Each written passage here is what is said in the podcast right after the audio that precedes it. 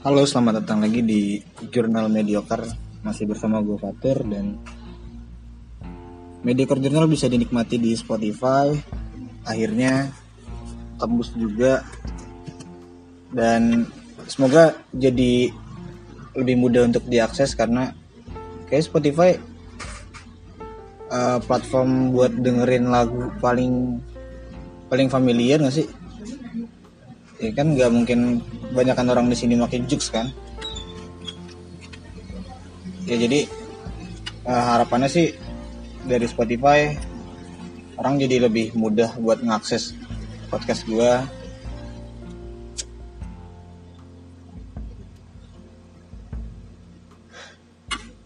Ya di episode kali ini nggak tahu gue seperti biasa masih nggak tahu mau ngomongin apa cuma kayaknya agak sedikit terganggu sama yang lagi rame-rame belakangan ini gitu. Terutama soal artis-artis yang masih hobinya nebar-nebar sensasi.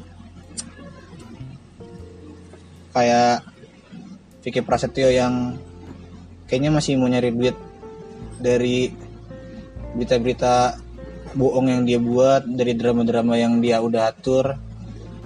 Gue bingung deh kok seorang artis ternama macam Angel Yoga tuh mau ya gitu? Jadi cameo-nya jadi cameo-nya Vicky ya gimana? Dia kan dia kan bukan peran utama istilahnya dia cuma bantuin Vicky buat lebih kedompleng aja karirnya. Kalau misalnya itu gue bingung sih. Yang gue penasaran tuh dapat duitnya dari mana? Terus berapa banyak sampai bisa mau gitu di setting buat anjir digerebek loh. Gila. Digerebek lagi selingkuh coba. Itu kan yang nonton nggak nggak ratusan ribu orang nggak puluhan ribu orang tapi jutaan. Semua orang yang punya TV bang. Iya.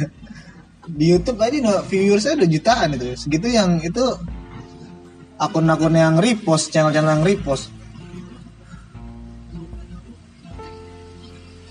gue nggak tahu tuh nyari duitnya dari mana Vicky. Terus buat apa juga buat bikin kayak gitu? Soalnya gue rasa juga tanpa bikin kayak gitu udah kaya sih. Mungkin permasalahannya orang yang kaya tuh nggak akan pernah ngerasa cukup ya. Sama uang yang udah dia dapetin. Dan kalau misalnya udah ada di level popularitas yang segitu tingginya kayaknya kayaknya agak susah buat nggak dapetin atensi dari banyak orang. Soalnya gue lihat-lihat sih kayaknya nggak ada nih artis makin dia terkenal dia makin dia makin turun ke permukaan ya kan? Kalau misalnya ada artis nih naik daun terkenal dia bakal terus nanjak aja gitu karirnya. Bakal berusaha terus biar ada di atas. Ya masalahnya kalau logika dasarnya lu kalau misalnya udah dapet duit banyak ya lu ngapain lagi itu? Masih mau cari terus. Soalnya kan kalau misalnya artis tuh duitnya gede banget anjir. Kayak kontrak di beberapa event atau acara aja juga udah bisa ngidupin dia selama setahun dua tahun gitu kan. Atau enggak dia bisa bikin usaha terus vakum. Masalahnya berarti emang uh, orang-orang yang dapat duitnya dari sensasi ini emang nggak pernah bakal bisa berhenti buat nyari duit sih. Nggak tahu gue ditimbun buat apa tuh kayaknya. Dan ya sebenarnya itu uh, opening aja ya soalnya emang gue benci banget yang model Vicky Prasetyo sih gila. Gimana caranya kita nyetopin dia gitu? Iya gimana cara buat nggak benci orang kayak dia? Masalahnya kalau kita makin benci dia makin laku gimana dong? Itu kan itu kan matrix yang udah sempurna buat buat nyari duit bagi dia gitu. Gue bikin orang-orang benci sama gue kalau orang-orang benci sama gue gue dapet itu banyak. Dan masalahnya dia tuh dia tuh nyebelinnya absolut anjir. Gimana gimana cara lu nggak bisa benci dia gitu ya otomatis lu benci dia. Kalau lu benci pasti lu penasaran nih. Kalau lu penasaran lu tonton. Lu tonton lu dapet yang dapet duit ya siapa? Ya? diri juga. Yang makin kaya diri juga. Lingkaran apa ya? Lingkaran iblis yang muternya tuh bakal nguntungin dia dia juga. Dia mana peduli gitu. Image dia bakal kayak apa. Orang bakal ngeliat dia kayak gimana. Yang dia tahu dia dapat duit aja terus masalahnya kan aneh. Kalau misalnya dia dia terus-terusan nyari duit tapi dia sendiri nggak bisa nikmatin duitnya itu gimana anjir? Gue sih nggak kebayang kalau misalnya gue punya duit sebanyak Vicky tapi kalau misalnya gue jalan ke mall orang-orang ludahin gue anjing. Gue kalau bisa ketemu Vicky sih gue ledekin anjing nggak bakal gue diem aja gitu. Eh goblok lo duit banyak pas bahasa Inggris kayak gitu kan? Ya apa gitu Usah aneh banget anjir. Di Indonesia tuh yang kayak gitu di Indonesia tuh yang terkenal tuh orang-orang kayak gitu kan. Orang-orang yang sibuknya nyari sensasi. Eh, boro-boro kan. Boro-boro acaranya laku gitu. Terus tahannya gimana gitu kan. Dan mau sebenci apa pun sama Vicky kayaknya emang, mesti harus diakui kalau misalnya dia itu seorang pencari uang yang jenius gitu. Buat ukuran eh, artis yang sensasional dia bisa lumayan tahan loh di eh, di apa ya di kolom berita papan atas di Indonesia lah. Yes, dia dia setahun bener-bener nggak ada nggak ada surutnya gitu loh beritanya dia ya gi- gimana? Dia tiba-tiba nikah sama Angel Elga. Siapa yang nebak Angel Elga mau sama orang kayak gitu kan? Hmm. banget. Dan kayaknya emang udah harus stop ngomongin dia sih makanya kita langsung masuk ke topik selanjutnya aja. Soalnya ini juga nggak nggak kalah membuat gua nggak kalah dari berita sebelumnya yang bikin gua resah. Yang selanjutnya ini datang dari pasangan yang banyak banget orang-orang udah tahu dan banyak bikin orang ngiri sih karena emang anaknya lucu banget. Gading Martin dan eh, Giselle yang katanya bakal cerai. Giselle yang gugat ya? Udah. Udah. Giselle yang gugat ya? Eh, gimana ya? Nggak masalah sih mau cerai gimana tapi kenapa harus segitunya sama si apa namanya anaknya? Anaknya siapa sih?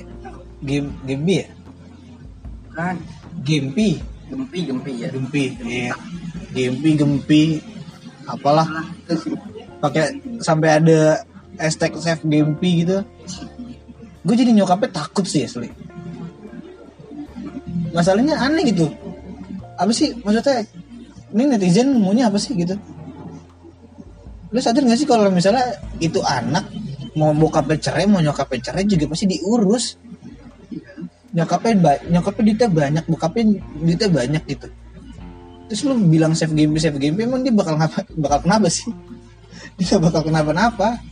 Kalau lu bilang kayak gitu karena dia lucu ya kalau misalnya bokap nyokapnya cerai dia juga bak- bakal tetap lucu sih. Masalahnya buat apa gitu? Itu tuh malah malah jadi ironi aja yang malah jadi ironi yang bikin orang-orang yang sadar kayak gue gini tuh jadi makin miris ngeliatnya. Soalnya buat apa lu bikin tagar save Gempi kalau misalnya di sekitar lu tuh ada banyak anak-anak seumuran Gempi yang harusnya lebih lebih concern untuk lu save gitu. Ngapain lu save Gempi? Dia kan dia kan makmur aja dia dia hidup iya dia besar Sampai bes, eh, sampai dia bisa nyari duit. iya Udah dia proper hidupnya. Dia terjamin. dia besarnya di keluarga yang prosperity anjir. Gimana dong? Jamin parah bang. Iya apa yang mau lu save lu juga ngasih tagar itu juga anjir dia anak kecil. Lu bayang nggak kalau misalnya lu game nih? Bokap nyokap lu cerai tiba-tiba pas lu SMP lu sadar kalau misalnya waktu lu kecil lu mau ditolongin sama jutaan orang di Indonesia. Gara-gara bokap nyokap lu cerai.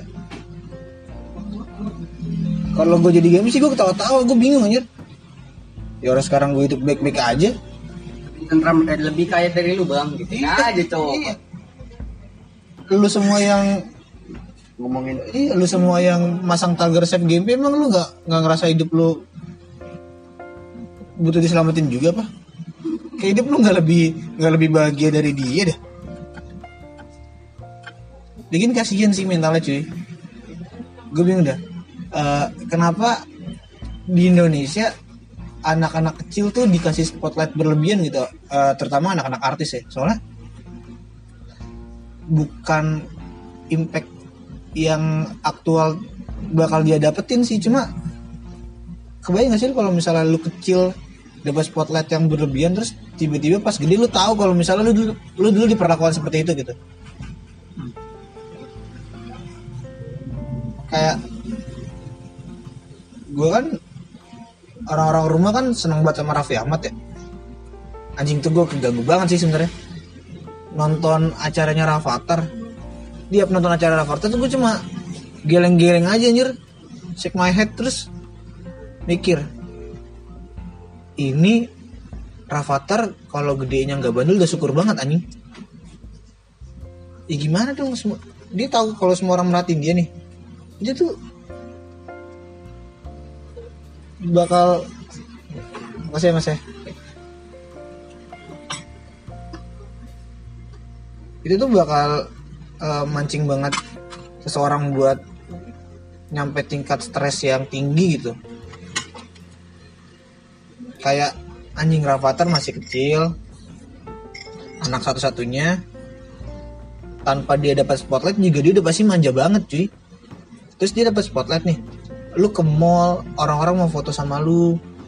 Asli gue liat acara film acara TV-nya reality show-nya dia jalan-jalan ke mall. Dia jalan gitu aja. Itu sekeliling orang ngeliatin dia dong anjing. Beda sama topeng monyet apaan?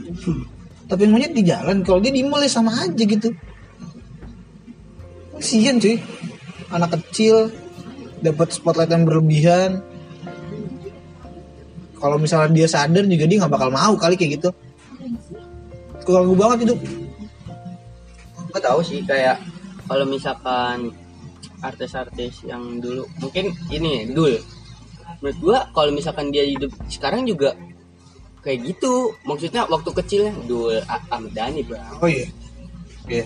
Mungkin bisa ya Rafathar nggak jauh beda kalau misalkan emang salah pergaulan bisa jadi kayak gitu bang. Iya. Sih ya. masalahnya gini. Ya ganteng. Teori anak artis tuh bakal bandel apa enggak itu tuh udah well proven banget. Soalnya coba lu lihat anak artis mana yang hidupnya baik-baik aja.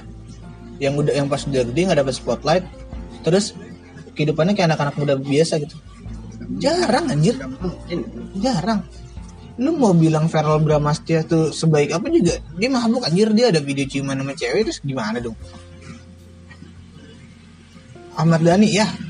Itu lagi. Masalahnya kan dia tuh udah tahu dari kecil kalau misalnya jutaan orang tuh merhatiin dia yang dicari apa? Yang dicari ya sisi lain ketik eh, sisi lain yang orang-orang tuh nggak bisa tahu dari dia dan itu dapetnya di mana? Dapetnya di pergaulan-pergaulan yang gelap. Kalau misalnya lo bergaul sama orang biasa ya lu tuh bakal bakal diperhatiin banyak orang juga bakal jadi omongan. Kayak gitu aksesnya lebih mudah tuh dengan adanya iya. modal yang dia punya. Iya. akses untuk yang apa yang gelap itu fasilitasi anjir. Hmm, itu maksudnya makanya kasihan gak sih gue kalau gue sih lebih kasihan ya. Gue memilih untuk tidak melakukan itu dan mencoba tidak ikut yang lagi viral sekarang ya karena gue ngerasa gue tidak bisa melakukan apa-apa atas apa yang udah eh, terjadi di masyarakat gue juga bukan orang besar yang bisa melakukan perubahan besar. Ya, yang bisa gue lakukan hanya nggak ikut ikutan dan semoga itu jadi salah satu eh, salah satu gerakan kecil buat ngetop ini gitu loh. Karena gue punya adik gue punya adik yang kurang lebih ya sama lah lagi Golden Ages sama kayak GMP sama kayak Rafathar. Gue berusaha gue berusaha sekuat mungkin supaya adik gue tuh bisa gue detox sama teknologi. Jadi nggak usah terlalu bergantung nggak usah terlalu banyak kenal dulu. Karena gue rasa pada akhir pada akhirnya gitu pada waktunya dia juga akan tahu. Gue adalah orang yang eh, dididiknya nggak barengan sama teknologi tapi pada akhirnya gue juga nggak kater kok. Gue ngerti. Dan hal itu dan dari situ gue ngerasa kebukti kalau misalnya eh, orang tua tuh nggak perlu repot-repot ngenalin itu ke anak dari kecil. Orang tua tuh nggak perlu takut anak-anak bakal kaget sama teknologi yang akan datang bakal gimana.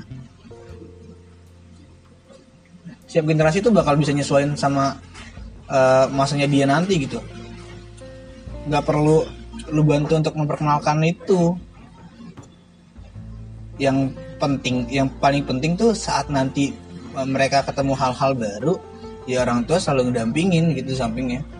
Jangan sampai dia salah lihat jangan sampai dia salah ucap jangan sampai dia salah ngelakuin sesuatu. Karena kalau misalnya dia sampai ngelakuin hal yang salah dan dia rasa itu benar nah di situ bahayanya. Menurut gua eh, apa ya? Eh, ya itu kontrol itu. Orang juga eh anak ini juga harus tahu tuh menurut Ma- mana-mana daerah yang harus dihindari dan bentuknya kayak gimana. Jadi dia tahu apa yang harus dihindari menurut gua gitu sih. Walaupun nggak secara gamblang. Kalau gue sendiri ngeliatnya larangan yang dikasih ke anak tuh nggak bagus. Jadi lebih baik nggak diperkenalkan sama hal-hal yang beresiko tinggi daripada nanti kalau misalnya lu ngenalin hal-hal yang sebenarnya banyak negatifnya anak lu nanti nggak nggak tahu. Karena sebenarnya nggak baik untuk lu larang dia buat ngelakuin ini itu. Ya ya manusia semakin lu larang malah makin gede kan tendensi buat ngelakuin itu.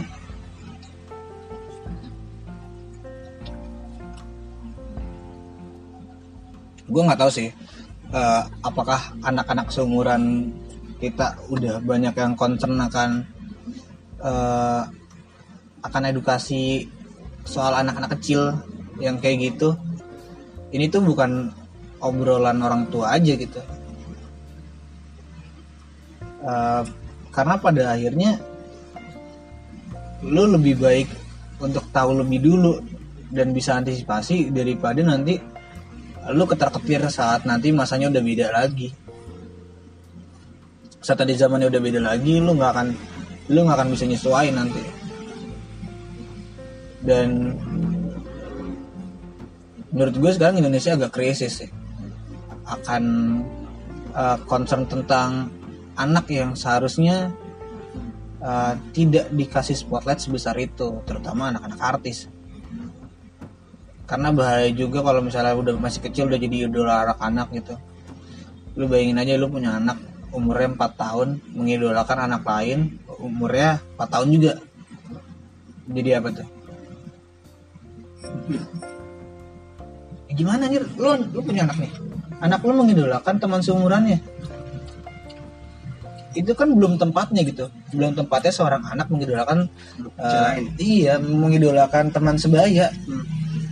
Yang yang harus dilakukan oleh anak kecil ada yang harus dilakukan oleh anak kecil dengan teman sebayanya ya udah main gitu main bersosialisasi bukan saling mengidolakan satu sama lain begitu kan? Bahayanya di anak yang udah bisa mengidolakan teman-temannya dan lebih bahayanya lagi sama orang-orang yang diidolakan gitu. Yang orang yang diodolakan menjadi beban moral sendiri. Itu kan tekanan untuk menjadi lebih bijaksana kan pasti gede banget kalau misalnya lu di ada di tekanan lu ada di bawah perhatian banyak orang tuh pasti tekanan untuk diri bijaksana tuh pasti gede banget kalau misalnya kalau misalnya seorang anak nggak cukup kuat buat nahan itu nggak cukup baik eh, nggak cukup baik pengawasannya dari orang tua buat menghadapi situasi kayak gitu ya udah abis gitu kan.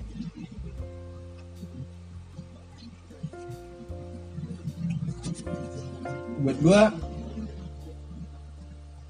concern tentang eh, anak-anak di bawah umur yang dapat spotlight berlebihan ini harus eh, dikaji oleh banyak anak-anak seumuran kita sih. Karena gue sendiri ngerasa di sini dari tadi gue ngomong banyak so taunya karena emang kurang gitu. Kurang kurang kurang medium untuk bisa mengeluarkan apa yang ada di kepala gue soal ini dan kurang adanya lawan bicara soal ini gitu. Ya ide kalau nggak dibentur nggak akan jadi sebuah teori kan makanya eh, mungkin eh, sedikit banyaknya orang yang dengar podcast ini eh, semoga bisa ikut dalam concern gue tentang anak di bawah umur yang dapat spotlight berlebihan dan bisa ngebantu gue buat jadi lawan bicara gue jadi jadi teman buat gue nge-compare ide teman gue buat nge-compare argumen gue jadi eh, jadi apa yang keluar da- apa apa yang keluar dari kepala gue tuh nggak mentah gitu aja dan bisa dikonsumsi oleh banyak orang gitu. Eh, butuh kritik dan butuh sebuah anti teori buat eh, ngebikin sebuah statement tuh kuat. Jadi sekiranya semoga kalian yang denger ini bisa bisa ikut ke dalam eh, apa ya? ya pokoknya bisa ikut concern akan inilah dan semoga udah 21 udah 22 menit dan semoga ini bermanfaat sekali lagi eh, Jurnal Mediocre udah bisa kalian dengar di Spotify, di Anchor FM, di Google Podcast juga udah ada. Alhamdulillah distribusi podcast gue yang ini cukup lancar dan gak ada hambatan. Jadi semoga teman-teman yang denger juga bisa lebih mudah mengakses podcast gue. Karena sebenarnya ini ada ada isinya kok. Walaupun emang bukan dari orang yang uh, capable buat ngomong hal-hal penting, cuma ya seenggaknya bisa sedikit nyadarin lo akan isu-isu yang sebenarnya perlu kita omongin sebagai generasi yang uh, paling lancip di antara yang lain. Dan segitu aja Mediocre Journal episode 2 kali ini. Uh, sampai jumpa di episode 3. Terus terus terang terang terus.